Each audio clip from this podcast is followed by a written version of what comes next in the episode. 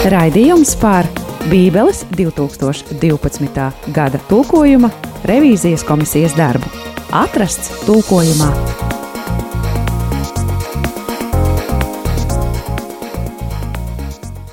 Atrasts tulkojumā ir tavā radioaparātā šajā pēcpusdienā. Ar tevi šajā pusstundā būšu kopā es Judīta Ozoliņa un eh, par to, kā eh, veicas latviešu valodas tulkojuma 2012. gada tulkojuma revizijas komisijas darbā. Par to mēs šodien šeit parunāsim ar ļaudīm, kas šo darbu veic, taču šodien ir tādā maz, mazskaitlīgākā sastāvā, bet tas nekas.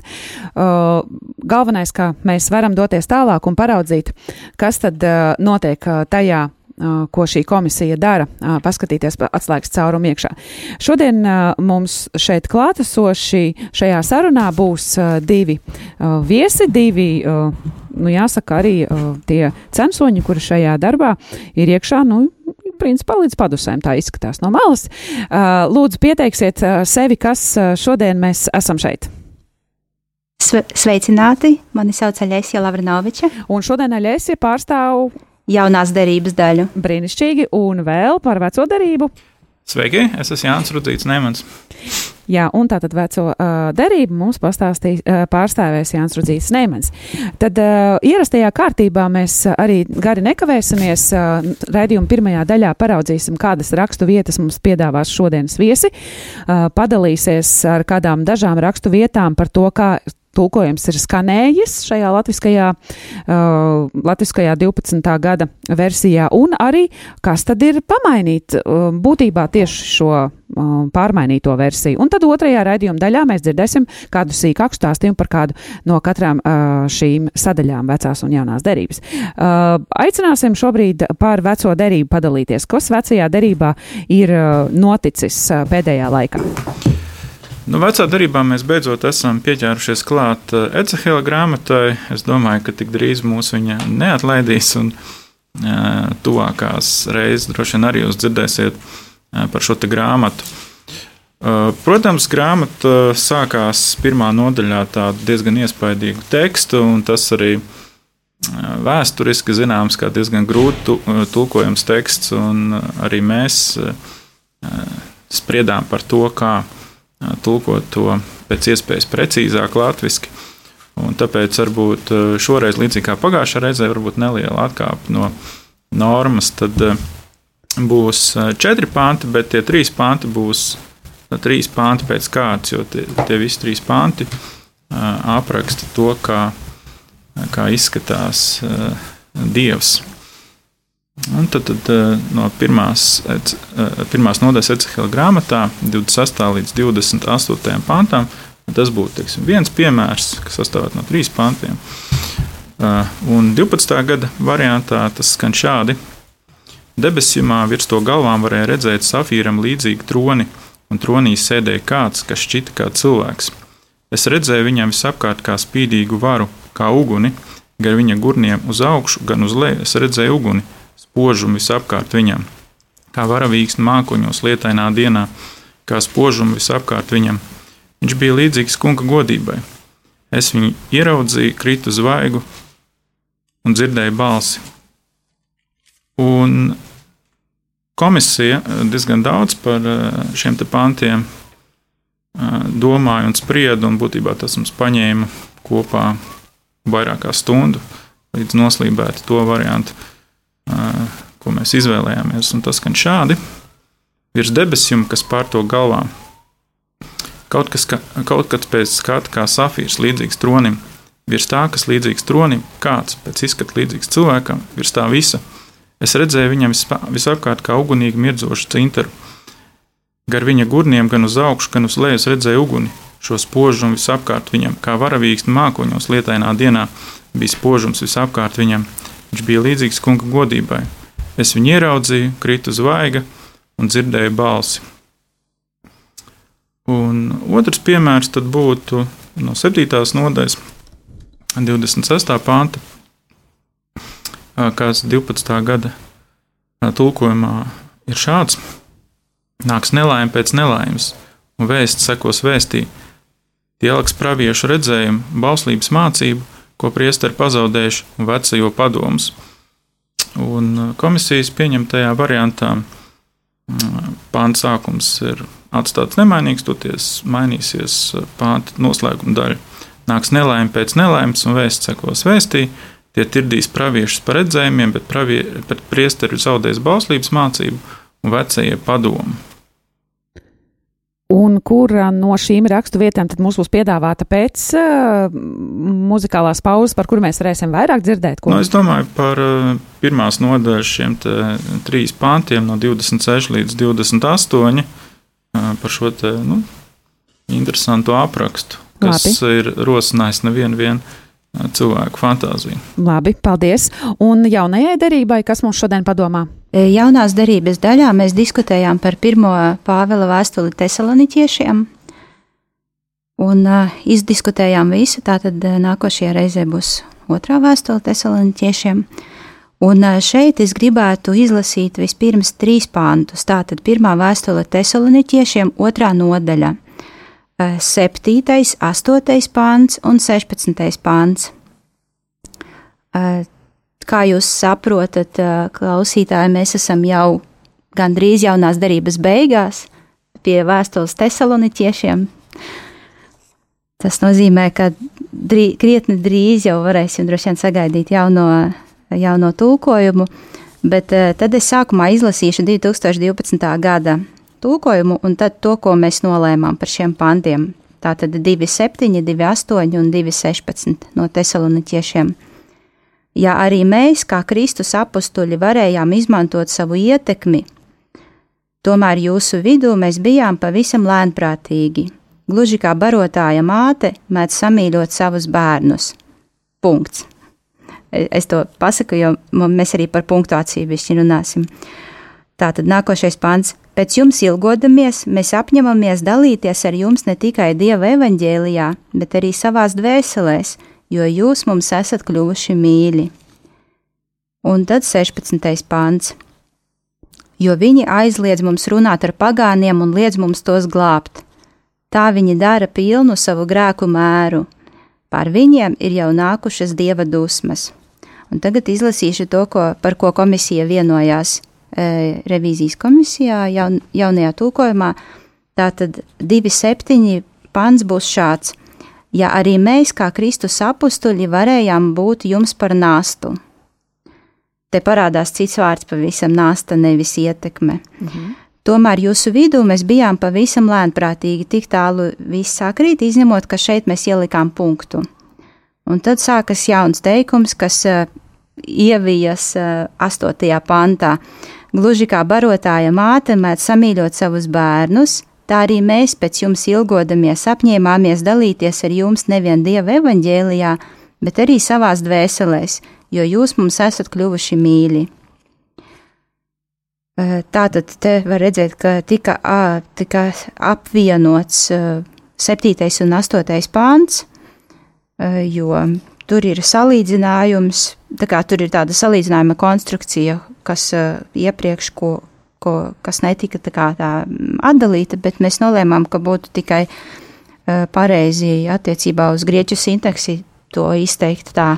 Līdz ar to sanāca pamainīt punktuāciju. Un tad uh, vienkārši parastam, uh, vienkāršam bībeles lasītājam, kas tur, kā saka, neiedziļinās valodas īpatnībās vai niansēs, tas nozīmē, ka septītais un astotais pāns viņiem tā kā tas nošķīrums mainās, tā vieta, kur viņi nošķirās viens no otra, ja? E Nē, pa, pa, pat, pats numurs, pats cipariņš nemainīsies. Vienkārši tur, kur bija punkts, aiz samīļot savus bērnus, tur šobrīd būs komats.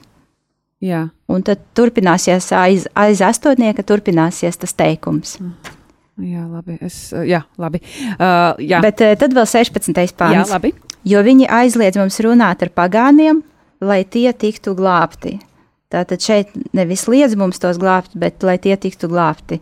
Tur tika diskutēts par to, kurš tad eh, veids to glābšanu, vai mēs glābjam, vai tur tomēr ir uh, vārdā ietverts, ka tie ir pagāni, kas tiek glābti. Nu, respektīvi, tur nav pateikts, jā. ka mēs. Jā.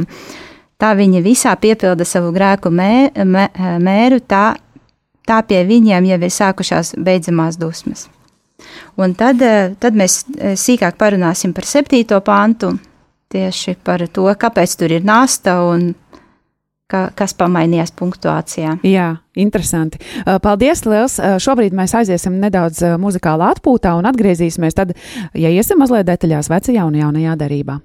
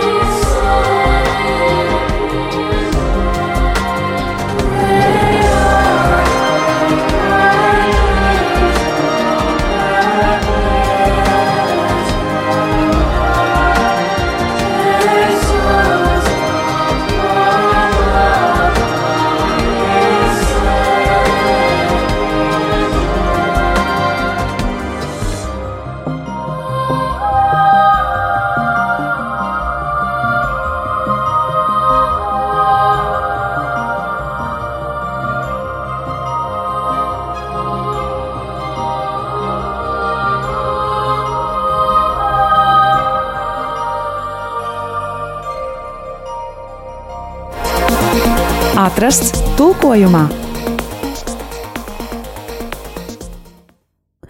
Ar tevi tavā rādījumā arī Latvija Vilnī šobrīd tiešām ir uh, raidījums par to, kas ir atrasts tulkojumā, un kā es kādreiz sanāk biju solījusi, raidījumu sāksim parasti ar kādu uh, interesantu faktu par Bībeli. Nu, uh, tiem, kas ir lasījuši Bībeli, un tiem, kas arī nav lasījuši Bībeli, varētu būt zināms vai arī varētu būt nezināms. Bībeles pats īsākais pants, uh, pats garākais pants, par to mēs parunāsim citreiz, bet uh, pats uh, īsākais pants. Uh, arī Bībelē ir. Un uh, varbūt es varu viesiem pajautāt, uh, vējas ir ārkārtīgi erudīti, vai jums uzreiz nāks prātā, par kuru Jēzus, uh, par, es atvainojos, es jau gan arī priekšā pateicu, par kuru pantu es varētu runāt, uh, par, kā par Bībeles īsāko pantu. Nav nejausmas. jūs, ā, nu jā, jūs kā vecās darības zinātājs Nu, varat, nē. uh, bet Aļēsi varētu zināt. Varbūt. Varētu, e, es, es piedāvāju, ka uh, es uzreiz ar patiesību nākt klajā, uh, jo man priekšā ir pareiza atbilde.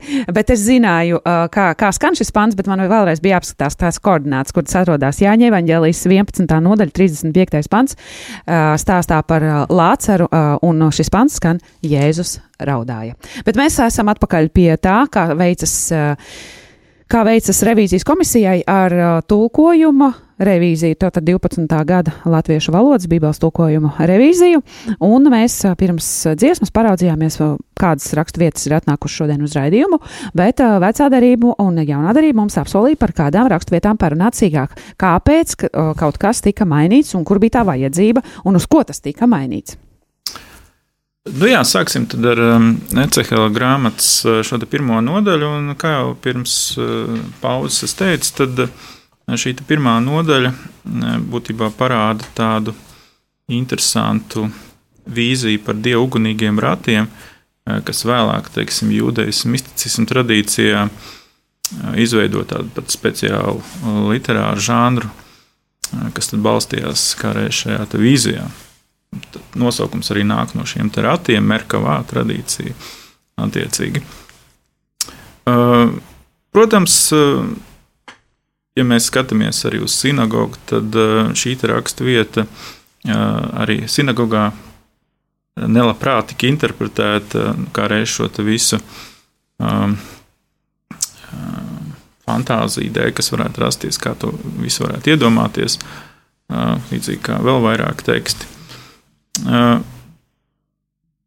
Tā, tā problēma, manuprāt, ir saistīta ar to vārdu, kas parādās arī starp citu pirmā mūža grāmatā vietas, ko mēs pazīstam kā Dieva tēls un līdzība. Šis vārds līdzība vai līdzīgs, kas arī Eceha grāmatā, it, it īpaši šajā nodaļā, tiek plaši izmantots.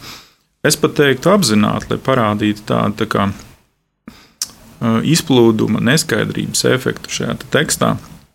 Un tas arī ir uh, tas uh, lielais izaicinājums, kā tad šajos pantos tulkot, jo tas līdzīgs parādās ik pa laikam.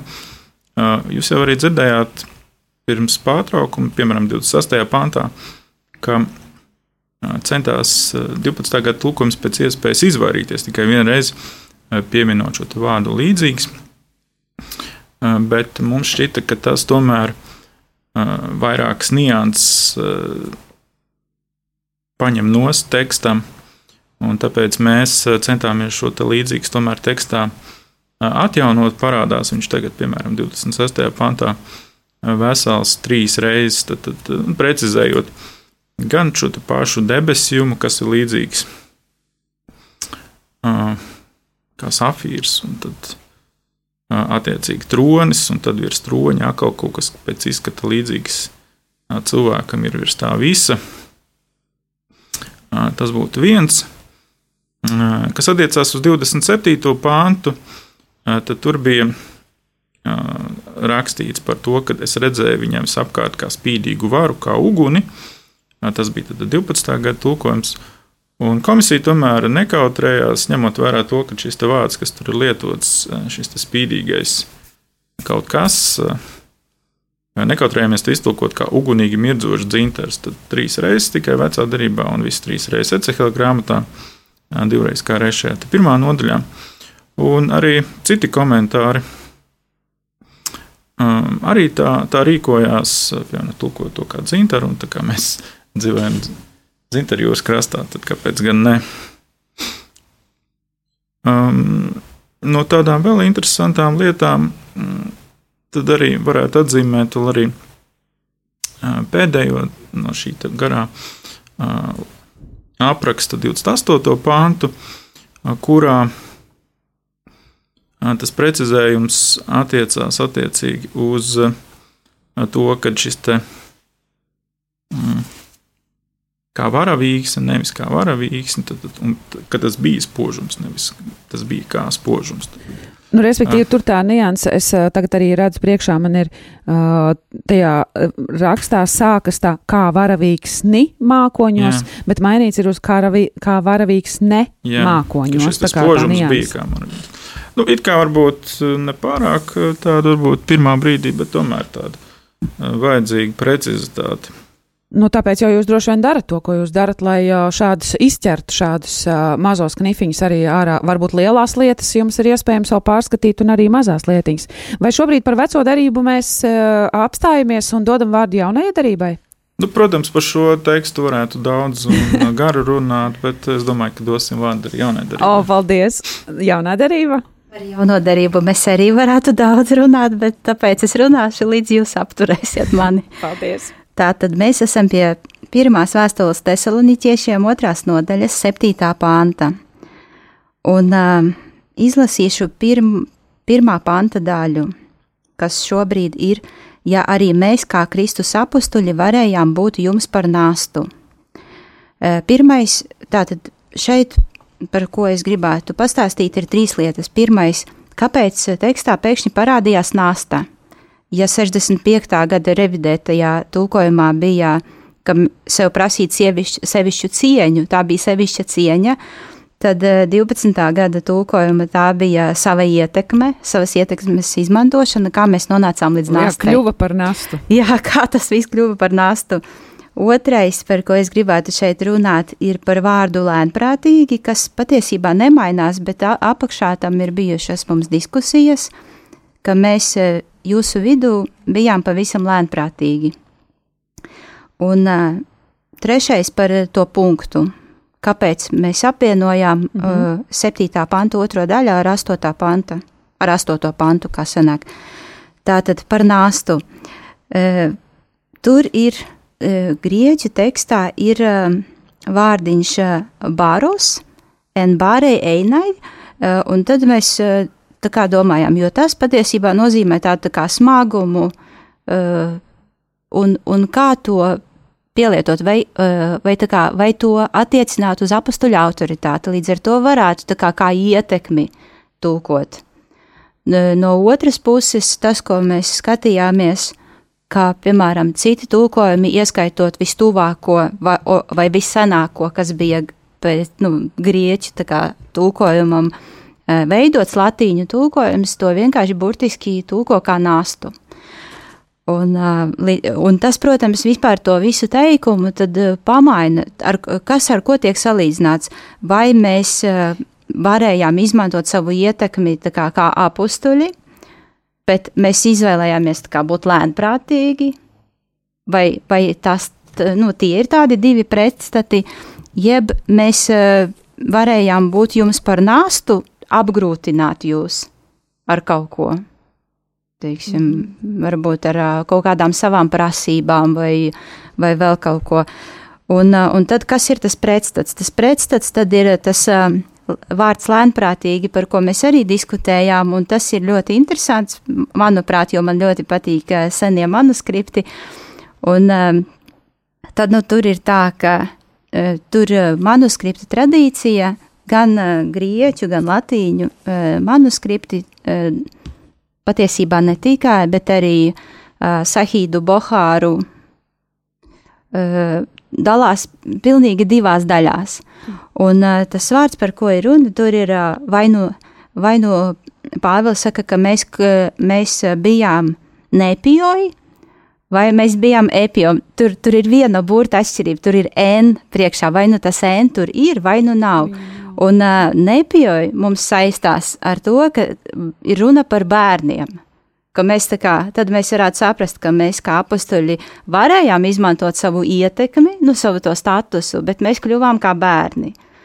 No otras puses, Uh, nu, tur, protams, arī ir tūkojuma nianses, jo tas, tas nepioja nozīmē arī nevarīgi, vāji, uh, bezpalīdzīgi, nu, kā zīdaiņi. Kā tas salīdzinājums. Ir vajadzīga palīdzība no jā, malas. Kas, jā, jā. Vai nu tur tas pretstats ir ielikts apstuļu ietekmi un bezpalīdzība, jā? vai nu tur ir tomēr e, epioji, jā, kas ir, kas ir uh, laipns, maigs. Un tad, un tad uh, Kā, un, un manuskripti mums patiesībā nepalīdz, bet vēl apgrūtina dzīvi, jo tur tiešām ir tradīcija sadalīta uh, uz pusēm. Un kas ir interesanti par nepioju, kas ir tas bezpalīdzīgs vai zīdainis vai bērns, jā, uh, tur ir tā kā tie si, Sinējā uh, kodeks un Vatikāna kodeks, un arī viens uh, sens papirusa fragments, uh, tas ir par to, bet pirmajā lasījumā. Bet tad, kad uh, tika korģēti arī senie manuskripti tika koriģēti, jo lasīti cauri, tā kā līdzīgi kā mēs šobrīd darām ar uh, Bībeles tekstu. Tad tur, tur, tur tas N tika nosvītrots vai izdzēsts. Cināja kodeksā, es vakar skatījos datubāzē, tur tā arī var redzēt, ka tur tas N burtiņš tika padzēsts, Citā atkal uh, Klarumontānas kodeksā tas tika vienkārši tā kā nosvītrots ar plānu tādu svītriņu cauri, tas vienkārši N-burts. Un, uh, un tad ir jautājums, kam mēs ticam, vai mēs tā kā klasiski, kā, nu, tā kā jaunās derības pētnieki mēģināja uh, to principu uh, noformulēt tā, ka mēs uzticamies senākajam manuskriptam, jā, ja, Un senākais šeit būtu papīrus 65 fragments, kas ir, kas ir divas tādas ļoti šauras strēmelītes. Un, un, un, un tie, kā, tie grieķu kodeksi, grieķu un arī bilingviālie un, un latīņu tulkojumi, vai mēs mēģinam mm, saprast tā teksta jēgu vispār, ko teksts mums grib pateikt, un var, vai tik tur nav notikusi pārrakstīšanās, jo, jo kas ir niansēti pirms tam, uh, pirms vārda nepjoja vai epjoja. Pirms tam ir darbības vārds, un te ir rakstīts tā: Allah egenesamen, n, un beidzas ar n, un iespējams, ka, nu, teorētiski spriežot, ka notika līdzskaņu dubultošanās, ka pārrakstītais pārrakstot vienkārši, nu, netīšām pārrakstīja. Tā kā tur ir, tas, tas ir par tas, tas, tā ir tāda interesanta diskusija vispār par principiem, kā mēs eh, no, no tekstiem izdibinām uh, to, ko mēs lasām šodien. Un uh, tad, protams, ka teiksim, manās rokās šeit ir Nestlé Ālanda grieķu izdevums, kur viņi ir ielikuši tekstā nepioji, bezpalīdzīgi vai zīdaiņi vai bērni. Bet, bet mēs komisijā runājām, ka tas būtu diezgan, tiksim tā, diezgan neatbilstoši tam, par ko ir runāts kontekstā, jo nākošais teikums uzreiz salīdzina, e, Pāvils salīdzina apustuļus ar barotāju māti. Kā var vienlaicīgi vienā šaurā kontekstā salīdzināt sevi ar bezpalīdzīgiem bērniem? Jūs, nu, mēs jūsu vidū, un vienlaicīgi mēs kā māte, kas par jums rūpējas. Ja, tā, tā nevar būt. Tur ir vai nu viens, vai nu otrs. Līdz ar to mēs palikām pie tā lēnprātīgi Un uh, mēs uh, tajā ziņā novirzījāmies no Nesla Alana kritiskā teksta. es, jā, bija interesanti. Man bija tiešām ļoti interesanti tagad klausīties, jo es atceros, kā mums mācīja, ka jāpieturās ir pie uh, autoritīvajiem, tātad uh, primārais ir autoritīvais teksts, kurš, uh, nu, ar lielāku svaru mums mācīja uh, pasniedzējs, uh, kad uh, tā, tā, tā, tā, tā patiesība būs tam, uh, tam rokrakstam, kuram, kuram ir lielāks svars, nu, tad ir konkrēts saraksts, kur ir svag, smagāki, kur ir svarīgāki, bet man bija ļoti interesanti tajā ieklausīties. Tikai padalījos, ka man bija ārkārtīgi interesanti klausīties klausīties, kā to dara lieli prāti. Paldies, liels! Mēs, mēs esam tik interesanti klausījušies par eh, šo vienu nastu, ka mums būs pārējās lietas jāpārceļ uz nākamo raidījumu, ko es eh, arī ar prieku aicinu klausīties nākamajā reizē. Bet eh, šajā reizē mums tiešām ir jāatvadās, laiks ir nepielūdzams, un tas dara to, kas viņam ir jādara. Viņš dodas uz priekšu, mums šis raidījums tiešām ir šajā reizē jābeidz. Bet nemaz jau tik ilgs laiks nepaies, un mēs atkal varēsim satikties. Saudzējiem visi sevi turamies veseli, lai brīnišķīgs ir svētku svētku laiks, un uh, nepazaudējam modrību arī tajā brīdī, kad uh, liekas, ka deguns jau pa zemi velkas. Paldies viesiem šodien! Svētīgi jums uh, novakari, un uz tikšanos citreiz ar jums šeit studijā bija Judita Ozoliņa un jūsu radioaparātā atrasts tulkojumā. Raidījums par Bībeles 2012. gada tulkojuma revīzijas komisijas darbu atrasts tulkojumā.